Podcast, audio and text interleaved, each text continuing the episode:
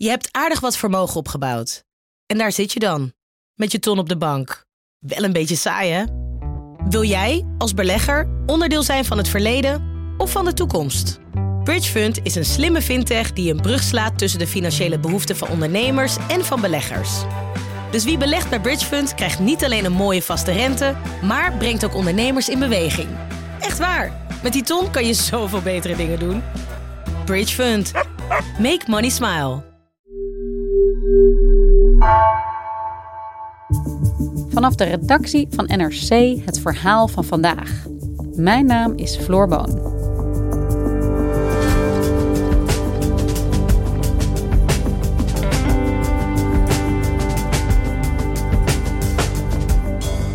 Het iconische warenhuis De Bijkorf staat te koop.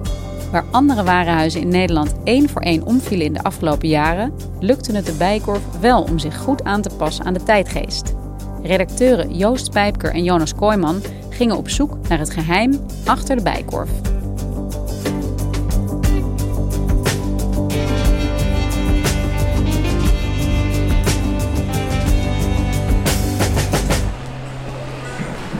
Bezoekers van de Bijkorf. Het is uitverkocht. Wel 30%. Dus ontdek nu In Hartje Amsterdam op de Dam staat de Bijkorf. Iconisch Nederlands warenhuis. Met rond de feestdagen prachtige etalages van bijvoorbeeld een uh, decadent uh, discofeest in het bos met uh, in glitteroutfits. En wie daar op een zaterdagmiddag heen gaat, die komt in een lange rij terecht waar um, twee medewerkers van de Bijkorf om de vijf minuten een plukje bezoekers naar binnen laten. Alsof het een soort hele exclusieve nachtclub is. En als je naar binnen komt in die marmeren uh, parterre, dan word je eigenlijk overrompeld door luxe. Dus uh, links zie je uh, Saint Laurent, Gucci. Aan je rechterhand zie je Louis Vuitton, Hermes. Bij um, Louis Vuitton staat een, een, een, wachtrij van een uur om, om de winkel binnen te komen. Je ziet een, een cosmopolitische familie tassen uitzoeken alsof het broodjes bij de bakker zijn. Een verliefd koppel kijkt naar binnen bij de juwelen van Cartier. Ik zie um, Aziatische toeristen. Ik zie um, jongere uh, pubers in streetwear. Echt van alles loopt daar door elkaar.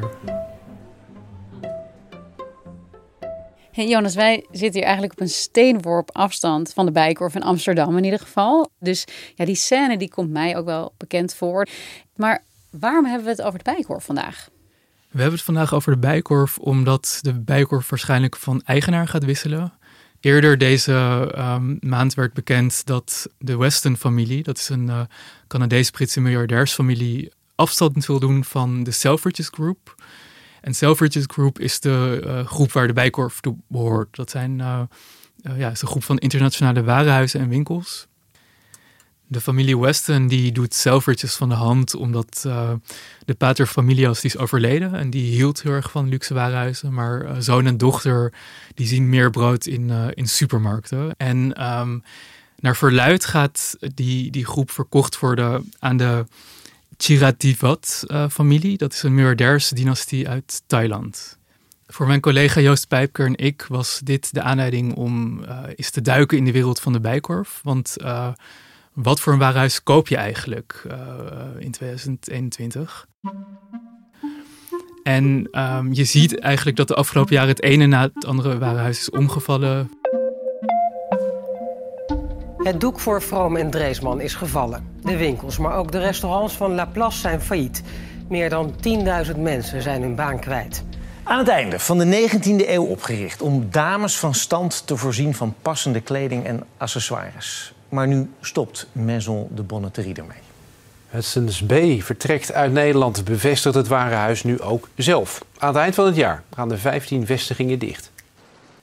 En de Bijkorf is als enige uh, overgebleven. Het is eigenlijk het laatste Nederlandse warenhuis. Dus uh, mijn collega Joost Pijper en ik vroegen ons af... wat is nou het geheim van de Bijkorf? Waarom bestaat de Bijkorf eigenlijk nog? Om dat geheim te achterhalen zijn we helemaal teruggegaan naar de oorsprong van de Bijkorf. De Bijkorf is in 1870 opgericht door een Joodse koopman, um, Simon Philip Goudsmit. Het was eigenlijk een heel eenvoudig uh, stoffenwinkeltje op de Nieuwe Dijk in Amsterdam.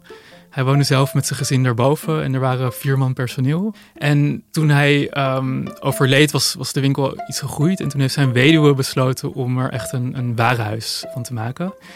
En toen werd dus besloten om op de Dam de, de Bijkorf, um, werd echt speciaal ontworpen door een architect, om, om die te, te bouwen. Nou, en toen dat uh, warenhuis op de Dam er eenmaal stond, werd het uh, ja, in de loop der jaren uitgebreid naar meerdere steden, zoals Eindhoven, Rotterdam, tot je op een gegeven moment filialen door het hele land had. Het past eigenlijk heel goed in dat tijdperk. De consumptiemaatschappij kwam namelijk op. Um, je had de opkomst van uh, massaproductie, van fabrieken, van, spullen om te consumeren. En warenhuizen waren een soort um, praalpaleizen waar, waar voor het eerst uh, je een compleet aanbod had van alles wat je nodig had. Dus daarvoor ging je misschien naar allemaal losse winkeltjes, maar nu had je alles in één heel imposant gebouw met veel marmer en glas en zelfs een stilstaande trap die je beweegt. Uh, de voorloper van de roltrap. Ja, precies. En je ziet dus ook die hele grote etalages, heel, heel ruim opgezet. En voor die tijd was het natuurlijk heel modern, zo'n zo'n gebouw. Uh, in het verleden heeft het bijvoorbeeld ook een, een ballroom gehad. Er was een, een soort chique leeszaal, je had restaurants. Je had ook een tijdje bondkluizen in de Bijkorf. Daar, daar kon je, als je ging winkelen of, of uit eten ging, kon je daar je bondjas uh, laten ophangen. En dat was dan in de perfecte omstandigheden, dus qua luchtvochtigheid en temperatuur zodat jouw bontjas uh, die middag of die avond in perfecte conditie weer kon worden opgehaald. Er waren soms ook evenementen, er waren tentoonstellingen, er was uh, van alles te doen. Te Amsterdam wordt in de Bijenkorf een luchtvaarttentoonstelling gehouden, die in tegenwoordigheid van vele ministers en hoge geallieerde autoriteiten wordt geopend. Wie op de meubeltentoonstelling in de Bijenkorf in Rotterdam de interieurs anno 1871 heeft aanschouwd, kan misschien begrijpen dat de Oostenrijkse meubelmaker Tonet met zijn ontwerp van een eenvoudige... Tijdens de populaire platenmarkt in de Rotterdamse Bijenkorf richtte een van de Wama's zich in het bijzonder tot... Alle tien en andere eetjes. En het doel is om zoveel mogelijk platen te verkopen.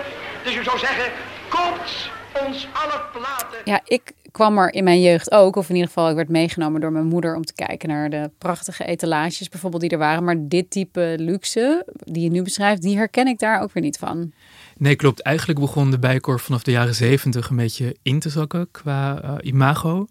Je had toen bijvoorbeeld geen high-end merken meer. Het, duurste merk was misschien uh, Hugo Boss. Je had ook geen mantelpakken of bontjassen meer die werden verkocht. Op een gegeven moment introduceerde de Bijkorf ook de drie dwaze dagen. verdwaasde koopjesjagers en een warenhuis dat geld verdient als water. Vanmorgen om 7 uur stonden ze al op de stoep. Voor een ritje in de achtbaan die uitverkoop heet.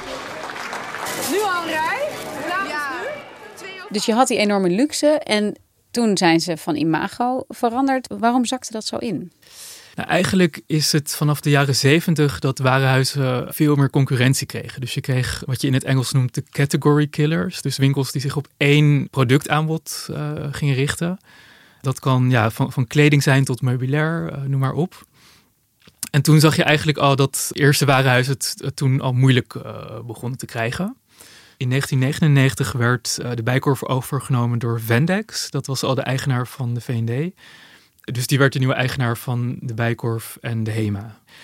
En waar um, de HEMA juist iets duurder werkt, uh, bleef V&D in het uh, midden. En de Bijkorf ging ook weer terug naar het midden. Dus je zag eigenlijk drie um, bekende Nederlandse ketens die alle drie rondom dat midden zaten. Ze bewogen zich eerder naar elkaar toe dan dat ze zich van elkaar gingen onderscheiden. Precies, ja. ja. En dat begon een probleem te worden. Want uh, ja, als dingen op elkaar lijken, dan weet je ook niet meer precies waar jij aan toe bent als, als klant. Maar goed, dit was in de jaren negentig, zeg jij, de ja. jaren nul. Ja. Dus toen werd het weer wat, wat normaaltjes. Ja. Maar dat staat dan wel weer af van wat we nu zien. Als je kijkt naar de inpandige winkels en zo. Ja, klopt.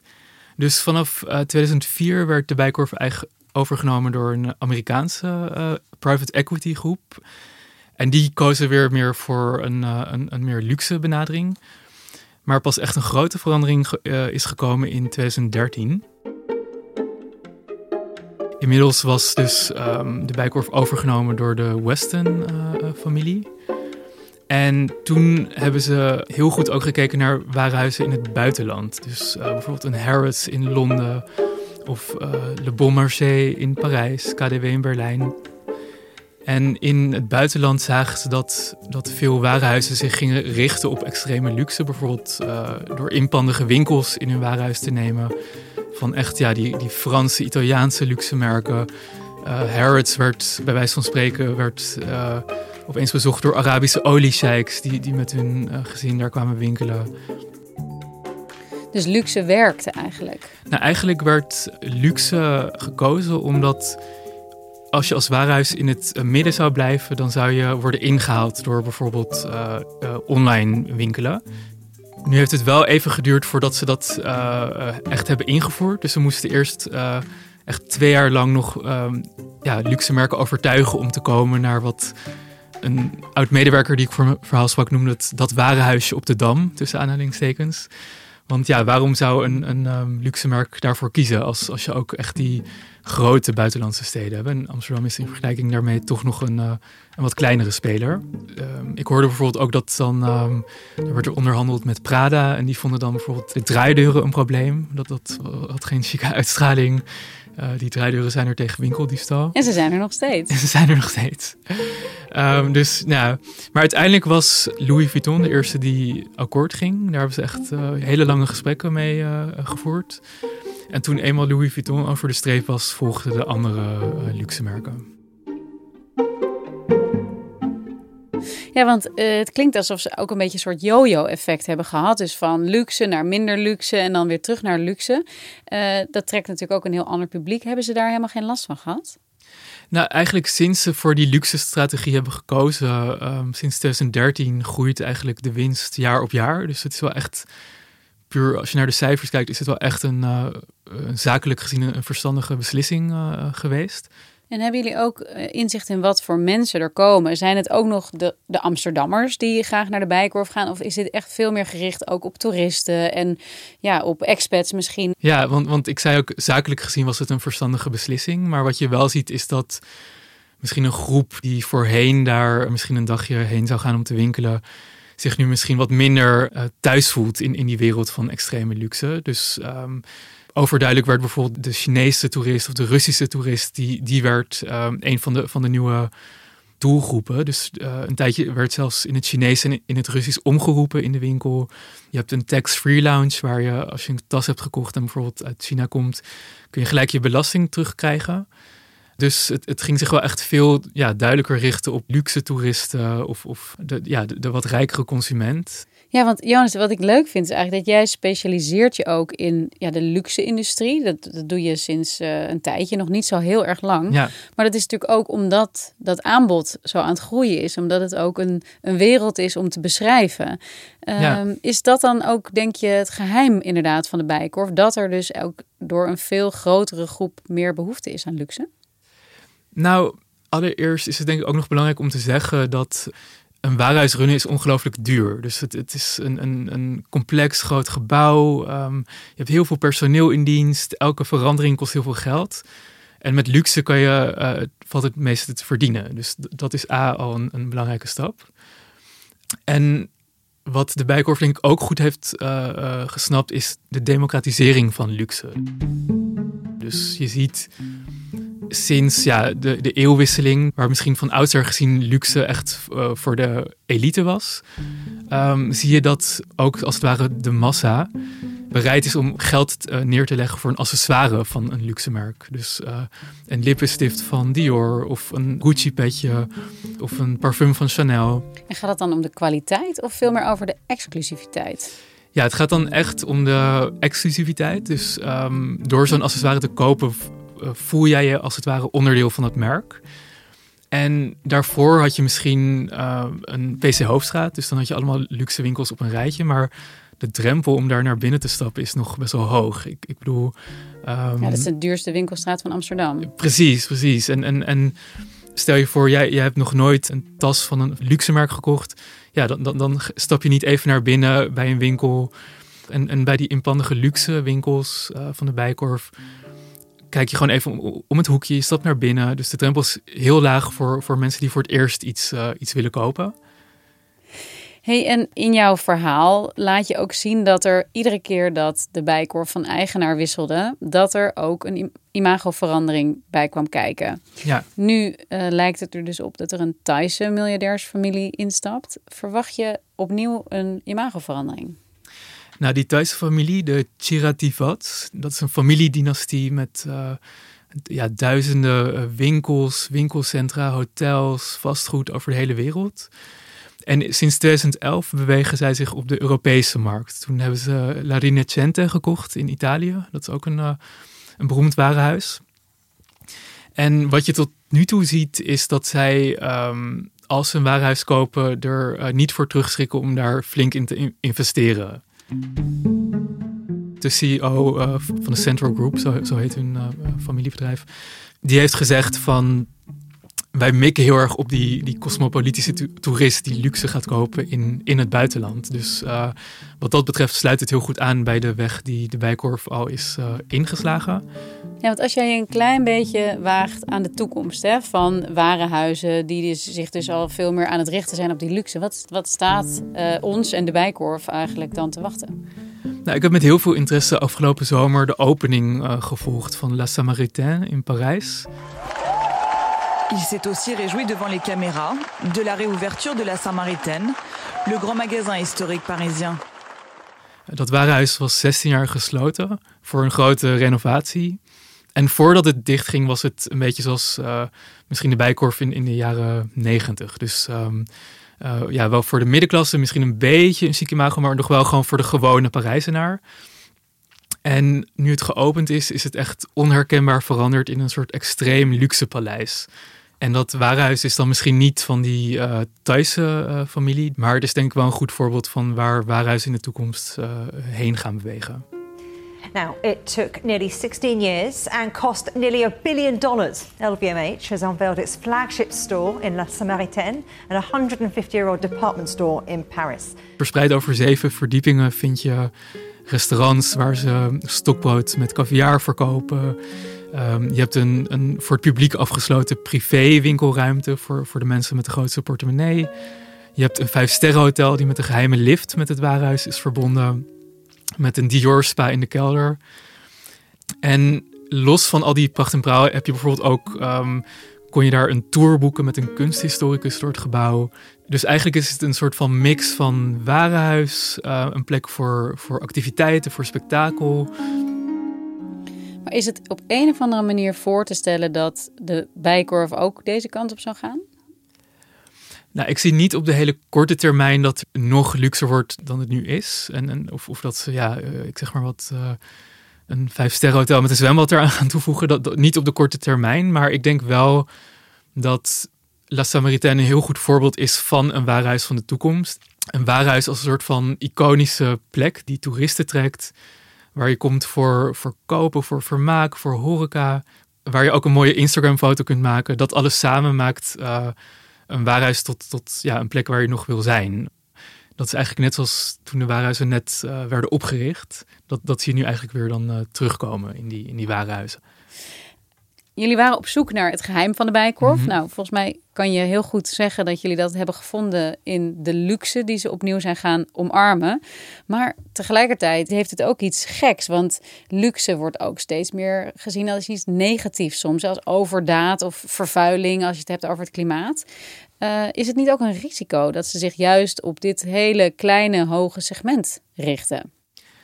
Ja, ik denk wel dat het een risico in, is in de zin dat de bijkorf op dit moment de tijdgeest mee heeft. Dus uh, met uitzondering van de, van de coronadip zie je natuurlijk dat de economie al jaar na jaar aan het groeien is. Dat mensen meer te besteden hebben. Maar ik herinner me bijvoorbeeld een jaar of tien geleden in, in de naschokken van de financiële crisis.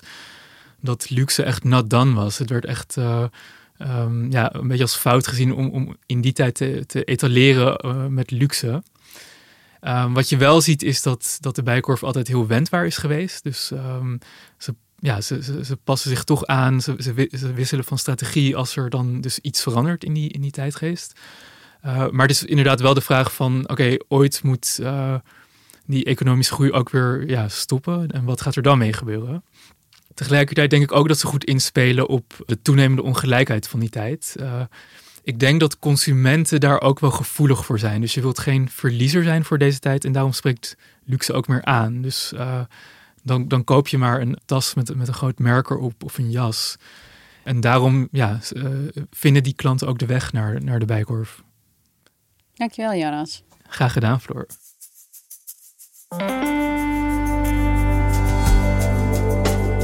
Je luisterde naar vandaag, een podcast van NRC. Eén verhaal, elke dag. Deze aflevering werd gemaakt door Allegria Ioannidis, Iris Verhulsdonk, Henk Ruigelijk van der Werven en Jennifer Patterson. Dit was vandaag. Morgen weer.